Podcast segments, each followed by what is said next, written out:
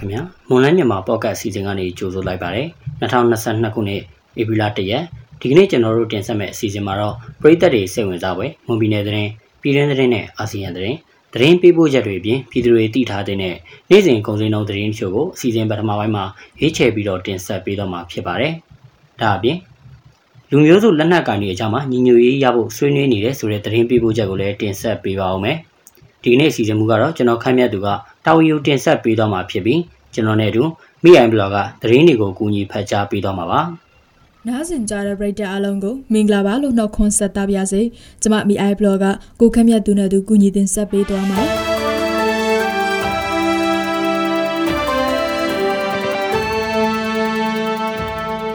မုံပြည်နယ်ကြိုက်ထုံမြို့နယ်ဥပလင်လမ်းဆောင်မှာ KNL တပ်မဟာ1ပူးပေါင်းတပ်ဖွဲ့ဝင်တွေနဲ့စစ်တပ်တို့မနေ့ကမနက်9နာရီဝန်းကျင်မှာတိုက်ပွဲဖြစ်ပွားခဲ့ပြီး စစ်သား6ဦးသေဆုံးက2ဦးဒဏ်ရာရခဲ့တယ်လို့ KNU တပ်မှုတအုပ်ကမီဒီယာတွေကိုဖြေကြားထားပါတယ်။ပြစ်ခတ်ချိန်တနာရီလောက်ကြာပြီး KNL တပ်သားတအုပ်လည်းသေဆုံးခဲ့တယ်လို့သိရပါတယ်။တိုက်ပွဲဖြစ်ပွားပြီးခဏအကြာမှာတော့စစ်တပ်ကအင်အား40ထပ်ဖြည့်ပြီးကရုတ်ချင်းမှာနေရာယူရာတွေလှုပ်ဆောင်ခဲ့ပါတယ်။တိုက်ပွဲအတွင်းမှာတေဆုံးခဲ့တဲ့စစ်သားအလောင်းတွေကိုတင်စီရက်ဖက်ကိုတည်ဆောင်သွားပြီးကြီးထိမှန်တဲ့ပြည်သူတွေကိုတော့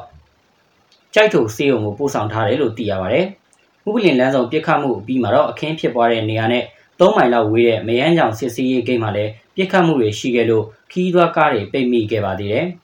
ကရင်ပြည်နယ်ဖာအမ်မြို့ကဇွဲကပင်တောင်ပေါ်ကိုတက်ရင်မနေ့ကပျောက်ဆုံးသွားတဲ့မြို့သမီးငယ်လောင်းကိုဒီကနေ့မနက်ပိုင်းမှာပြန်ရှာတွေ့ခဲ့တယ်လို့ဒေသခံလူမှုကူညီရေးအသင်းတွေကပြောပါတယ်။ဒုတိယနှစ်ကျောင်းသူတူဖြစ်တဲ့အသက်22နှစ်အရွယ်မဆာချီလှိုင်ဟာပြီးခဲ့တဲ့နှစ်ရက်ကမြို့သားတအုပ်နဲ့အတူတောင်ပေါ်တက်သွားခဲ့ပြီးပျောက်ဆုံးသွားခဲ့တာပါ။အဲ့ဒီမြို့သမီးရဲ့အလောင်းကိုအထက်ရေတကုံဖျားလိမ့်နာကမယမ်းပင်အောင်မှာပြန်တွေ့ခဲ့ပြီးဥကောင်းကိုထိထားပြီးဒေဆုံးနေတယ်လို့သိရပါတယ်။လက်ရှိမှာတော့မြို့သမီးရဲ့အလောင်းကိုကယ်ဆယ်ရေးအဖွဲ့တွေကတောင်ချေကိုပြန်လက်သက်ဆုံးသွားပြီးစစ်ဆေးမှုတွေဆက်လုပ်နေတယ်လို့သိရပါတယ်။ပြည်တွင်းပြည်ပခရီးသွားတွေခြေကျင်လာရောက်တက်ကြတဲ့ဇွဲကပင်တောင်ကတော့အမြင့်ပေ2900ကျော်အရှည်14မိုင်ကျော်ရှိပါတယ်။တနိုင်ငံလုံးတိုင်းတာနဲ့တက္ကသိုလ်ဝန်ထမ်းစာမေးပွဲပထမနေ့မှာမြန်မာစာဘာသာရဲ့လာရောက်ဖြေဆိုသူဟာ2,800ကျော်ရှိတယ်လို့နာဆကကောင်စီကမနေ့ကထုတ်ပြန်ထားပါတယ်။အခုနှစ်တက္ကသိုလ်ဝင်စာမေးပွဲဖြေဆိုဖို့စီရင်ပေးသွင်းထားသူဦးရေဟာ3သိန်းကျော်ရှိပြီးလာရောက်ဖြေဆိုတဲ့အကြောင်းသားအကြောင်းသူပေါင်းကတော့2,800ကျော်ရှိတယ်လို့သိရပါတယ်။ ဒါဟာဖြေဆိုသူရာခိုင်နှုန်း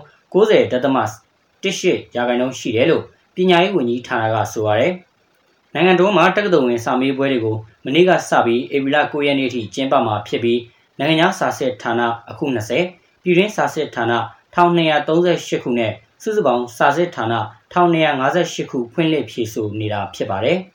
ထောက်ဝဲမှာအောက်ချုပ်ရည်မှုဟောင်းတူအတက်ခံလိုက်ရတယ်လို့ဒေသခံရွာသားတွေကပြောပါတယ်။ထောက်ဝဲမြို့နယ်မောင်မဲရှောင်းကျေးရွာကဦးတန်းရွှေဦးဆောင်တဲ့စစ်ဆိုးရလက်ထက်မှာအောက်ချုပ်ရည်မှုအဖြစ်လောက်ခဲ့တဲ့ဥကိုဝင်းအသက်55နှစ်ဟာပြီးခဲ့တဲ့3ရက်နေ့ကတနက်နဲ့ပြစ်ခတ်ခံရပြီးဒေဆုံးသွားခဲ့တာလို့ရွာသားတွေကပြောပါတယ်။ရွာသားတူကတနက်ကလေးချက်ကြားရတဲ့လက်မောက်ဝမ်ဘိုက်နဲ့နောက်ကျောဘက်တွေကိုမှန်တာစစ်စစ်ယုံကိုပုတ်တာဆေးရုံမှာဆုံးသွားတယ်လို့ပြောပါတယ် နေအိမ်မှာရှိနေတဲ့ဦးကဝင်းကိုမျိုးသားနှစ်ဦးကဆိုင်ကယ်နဲ့လာရောက်ပစ်ခတ်သွားတာဖြစ်တယ်လို့အမည်မဖော်လို့သူရွာသားတို့ကဆိုပါတယ်။ဦးကဝင်းပစ်ခတ်ခံရမှုကိုဒေသခံပြည်သူ့ကာကွယ်ရေးအဖွဲ့တစ်ခုဖြစ်တဲ့ထာဝယ်ထိုက်ခါဖုတ်တပ်ဖွဲ့ကလောက်ဆောင်ခဲ့တာဖြစ်ပြီးကျေးရွာနေပြည်သူတွေနဲ့လုံးဝသက်ဆိုင်မှုမရှိဘူးလို့ရင်းအဖွဲ့ကအခင်းဖြစ်ညပိုင်းမှာပင်သတင်းထုတ်ပြန်ထားပါတရုတ်နိုင်ငံတော်ကောင်စီဝင်နဲ့နိုင်ငံသားရေးဝန်ကြီးဝန်ကြီးရဲ့ဖိတ်ကြားချက်အရဦးနာမောင်နဲ့ဦးဆောင်တဲ့ကိုယ်စားလှယ်အဖွဲ့ဟာတရုတ်နိုင်ငံကိုမနေ့ကတွားရောက်ခဲ့ပါတယ်။မြန်မာကိုယ်စားလှယ်အဖွဲ့အနေနဲ့တရုတ်အစိုးရရဲ့ နေဆက်တည်ငြိမ်ရေးနေဆက်ကုန်သွယ်ရေးစီးပွားရေးကိစ္စရပ်တွေဆွေးနွေးပြကြမယ်လို့ဗိုလ်ချုပ်စော်မင်းထွန်းကပြည်ပသတင်းဌာနတစ်ခုကိုဖြေကြားထားပါတယ်။လက်ရှိမှာမြန်မာနိုင်ငံမှာနိုင်ငံရေးမတည်ငြိမ်မှုတွေကြောင့်နေဆက်ဒေသတည်ငြိမ်အေးချမ်းရေးအတွက်တရုတ်နိုင်ငံအနေနဲ့အလေးပေးဆောင်ရွက်နေတဲ့ဖြစ်စဉ်ရှိခဲ့ပြီးနှစ်နိုင်ငံပူးတွဲလှုပ်ဆောင်မှုမျှော်လင့်တယ်လို့ဗိုလ်ချုပ်စော်မင်းထွန်းကဆက်ပြောပါတယ်။အင်ဒိုနီးရှားထိုင်းနဲ့ဖိလစ်ပိုင်နိုင်ငံရေးဝန်ကြီးတွေကို တရုတ်နိုင်ငံသားရေးဝန်ကြီးဝမ်ယီကတီးခြားစီဖိတ်ကြားထားတယ်လို့လည်းတရုတ်နိုင်ငံသားရေးဌာနကသတင်းထုတ်ပြန်ထားပါတယ်။မြန်မာနိုင်ငံထဲမှာတိုင်းဒေသလက်နက်ကိုင်အဖွဲ့တွေပြည်သူ့ကာကွယ်ရေးအဖွဲ့တွေနဲ့လုံခြုံရေးအဖွဲ့ဝင်တွေနေရာနှံ့တိုက်ပွဲဖြစ်ပွားနေချိန်ဒေသအတွင်းတည်ငြိမ်လုံခြုံရေးအတွက်လို့ဆိုပြီးတရုတ်နိုင်ငံသားရေးဝန်ကြီးကဒေသတွင်းနိုင်ငံသားရေးဝန်ကြီးတွေကိုဖိတ်ခေါ်ဆွေးနွေးနေတာလို့သိရပါတယ်။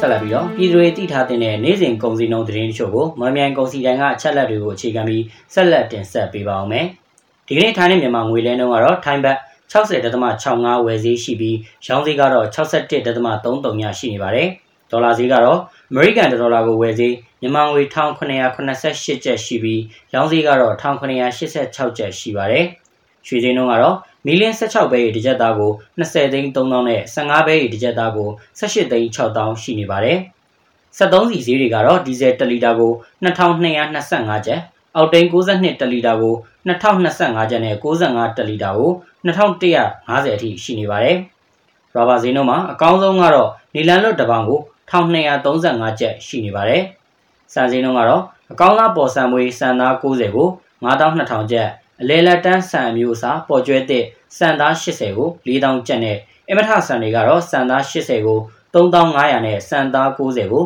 32,500ရှိနေပါတယ်။ မတို့ရဲ့မလန်းမြန်မာဖောက်ကမြန်မာဘာသာစီစဉ်ကိုအားပေးနားဆင်ကြတော့ပြည်သက်များရှင်ကျမတို့အတန်လို့စီစဉ်ကနေပြီးတော့မွန်ပြည်နယ်မှာဖြစ်ပျက်နေတဲ့သတင်းများပြည်တွင်းငင်းချဲရေးဖြစ်စဉ်များအပြင်မြန်မာနိုင်ငံတွင်းနဲ့အာဆီယံသတင်းများကိုအပတ်စဉ်တင်လာနေမှတောက်ကြနေများတွင်ည9:00နာရီအချိန်တွင် Mon New Agency Facebook စာမျက်နှာတွင်ဝင်ရောက်နားဆင်နိုင်သလိုမလန်းမြန်မာဖောက်ကစာမျက်နှာတွင်လည်းဝင်ရောက်နားဆင်နိုင်ပါပြီအားပေးကြတဲ့ပြည်သက်များအားလုံးကိုကျေးဇူးတင်ပါတယ် အခုတင်ဆက်ပေးသွားခဲ့တာကဧပြီလ၁ရက်နေ့မှာဖြစ်ပျက်ခဲ့တဲ့မွန်ပြည်နယ်သတင်းပြည်တွင်းသတင်းအာဆီယံသတင်းတွေအပြင်တနေ့တာစီစေးငွေစည်းနဲ့ကုန်စည်နှုန်းတွေကိုတင်ဆက်ပေးသွားခဲ့တာပါဆက်လက်ပြီးတော့လူမျိုးစုလက်နက်ကန်တွေကြားမှာညီညွတ်ရေးရဖို့ဆွေးနွေးနေတဲ့ဆိုတဲ့သတင်းပေးပို့ချက်ကိုတော်တာကတင်ဆက်ပေးပါဦးမယ်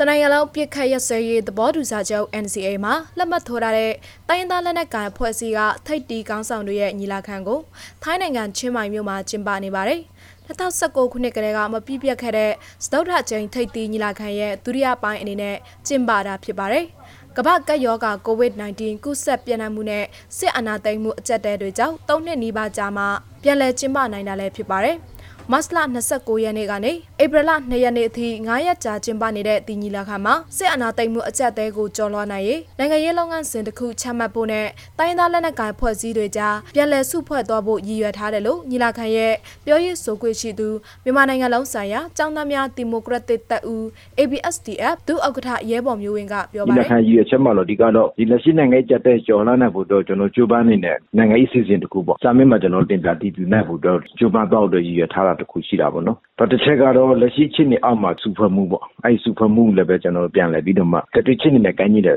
လိုအပ်တယ်လို့ပေါ့နော်။တော့ချက်ပြင်ဆင်ပြောင်းလဲသွားဖို့အတွက်ကျွန်တော်တို့နိုင်ဖို့အတွက်လည်းရည်ရွယ်ထားတာပေါ့နော်။ဒီလာခံမှာဒါတော့ဒါတစ်ခုပေါ့။နောက်တစ်ခုကတော့ကျွန်တော်တို့ EU အားလုံးရဲ့ကျွန်တော်တို့စူစီရေးညီညွတ်ရေးပေါ့တင်ညီလာခံမှာ NCA လက်မှတ်ထိုးထားတဲ့တိုင်းရင်းသားလက်နက်ကိုင်ထိပ်တီးကောင်းဆောင်တွေတက်ရောက်ဆွေးနွေးနေတဲ့ဆိုပေမဲ့အာဏာသိမ်းနောက်ပိုင်းစစ်ကောင်စီတပ်တွေနဲ့တိုက်ပွဲဖြစ်နေတဲ့ကရင်အမျိုးသားစီယုံ KNU နဲ့ချင်းအမျိုးသားတပ်ဦး CNF တို့ကတော့တင်ညီလာခံကိုမတက်ခဲ့ပါဘူးမနေ့ကညီလာခံဖွေပွဲမှာ KNU ဥက္ကဋ္ဌဗိုလ်ချုပ်မူကြီးစောမှုသူစေဖို့မိတ်ခွန်ပြောခဲ့ပေမဲ့အဖွဲ့အစည်းကိုအဖွဲ့အစည်းကိုကိုစားမပြုဘူးလို့သူ့ရဲ့မိတ်ခွန်မှာထည့်သွင်းပြောဆိုခဲ့ပါတယ် KNU ဗဟိုနိုင်ငံသားရေးဌာနပြောခွင့်ရသူဗဒိုးစောတော်နေက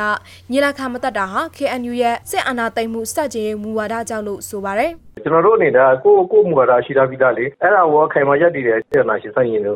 နဲ့လက်တွဲပြီးတော့စစ်အာဏာရှင်စနစ်ကင်ဆွဲထားတဲ့လူတွေနဲ့အပြတ်သားစစ်မြေပြင်မှာရောပဲနိုင်ငံရေးနယ်ပယ်ဒီမှာရောပဲနယ်ပယ်အစုံမှာရောကျွန်တော်တို့ရင်ဆိုင်နေကြတာပါလေ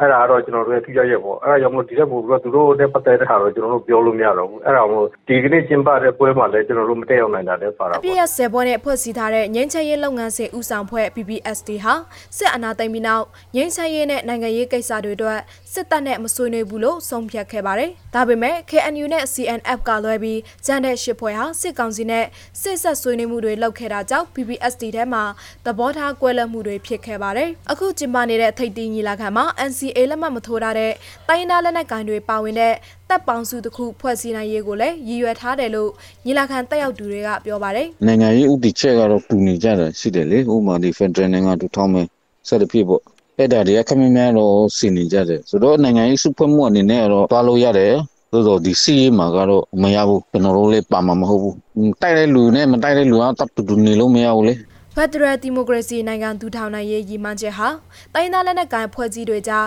ရေဘူးရတူညီတဲ့အတွက်နိုင်ငံရေးအရစုစည်းဖို့မခက်ခဲဘူးဆိုပေမဲ့စစ်အာဏာသိမ်းမှုကိုတုံ့ပြန်ရမှာတော့စစ်ရေးနီလန်ပေါ်သဘောထားကွဲလွဲမှုကြီးကြီးမားမားရှိတယ်လို့ကရင်နီအမျိုးသားတိုးတက်ရေးပါတီ KNPP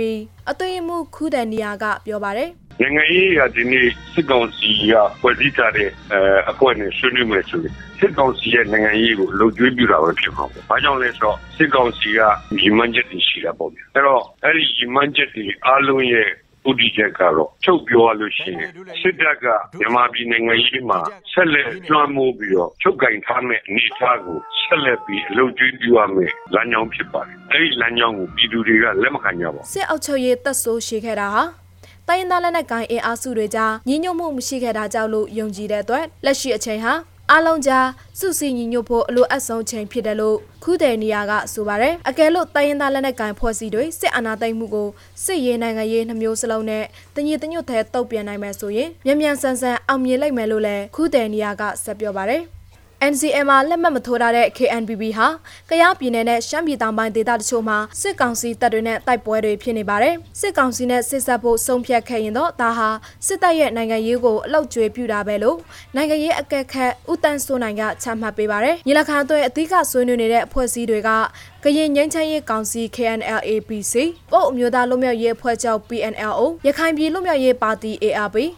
ရှမ်းပြည်ပြည်လဲသူထောင်ရေးကောင်စီ RCSS ကရင်မျိုးသားဒီမိုကရေစီအကျိုးပြုတပ်မတော် DKBA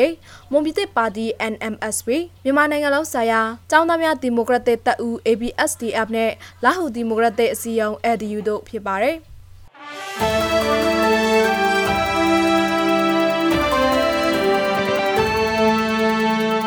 မတို့ရဲ့မလဲမြန်မာပေါ့ကတ်အစီအစဉ်ဒီမှာတင်ပြီးဆုံးပါပြီ။နားဆင်ကြတဲ့ပရိသတ်အားလုံးကိုနောက်နေ့စီစဉ်တို့မှာဆက်လက်အားပေးကြပါအောင်လို့ဖိတ်ခေါ်ရင်းအစီအစဉ်ကိုအဆုံးသတ်ပါရစေ။အားလုံးကိုကျေးဇူးတင်ပါတယ်ရှင်။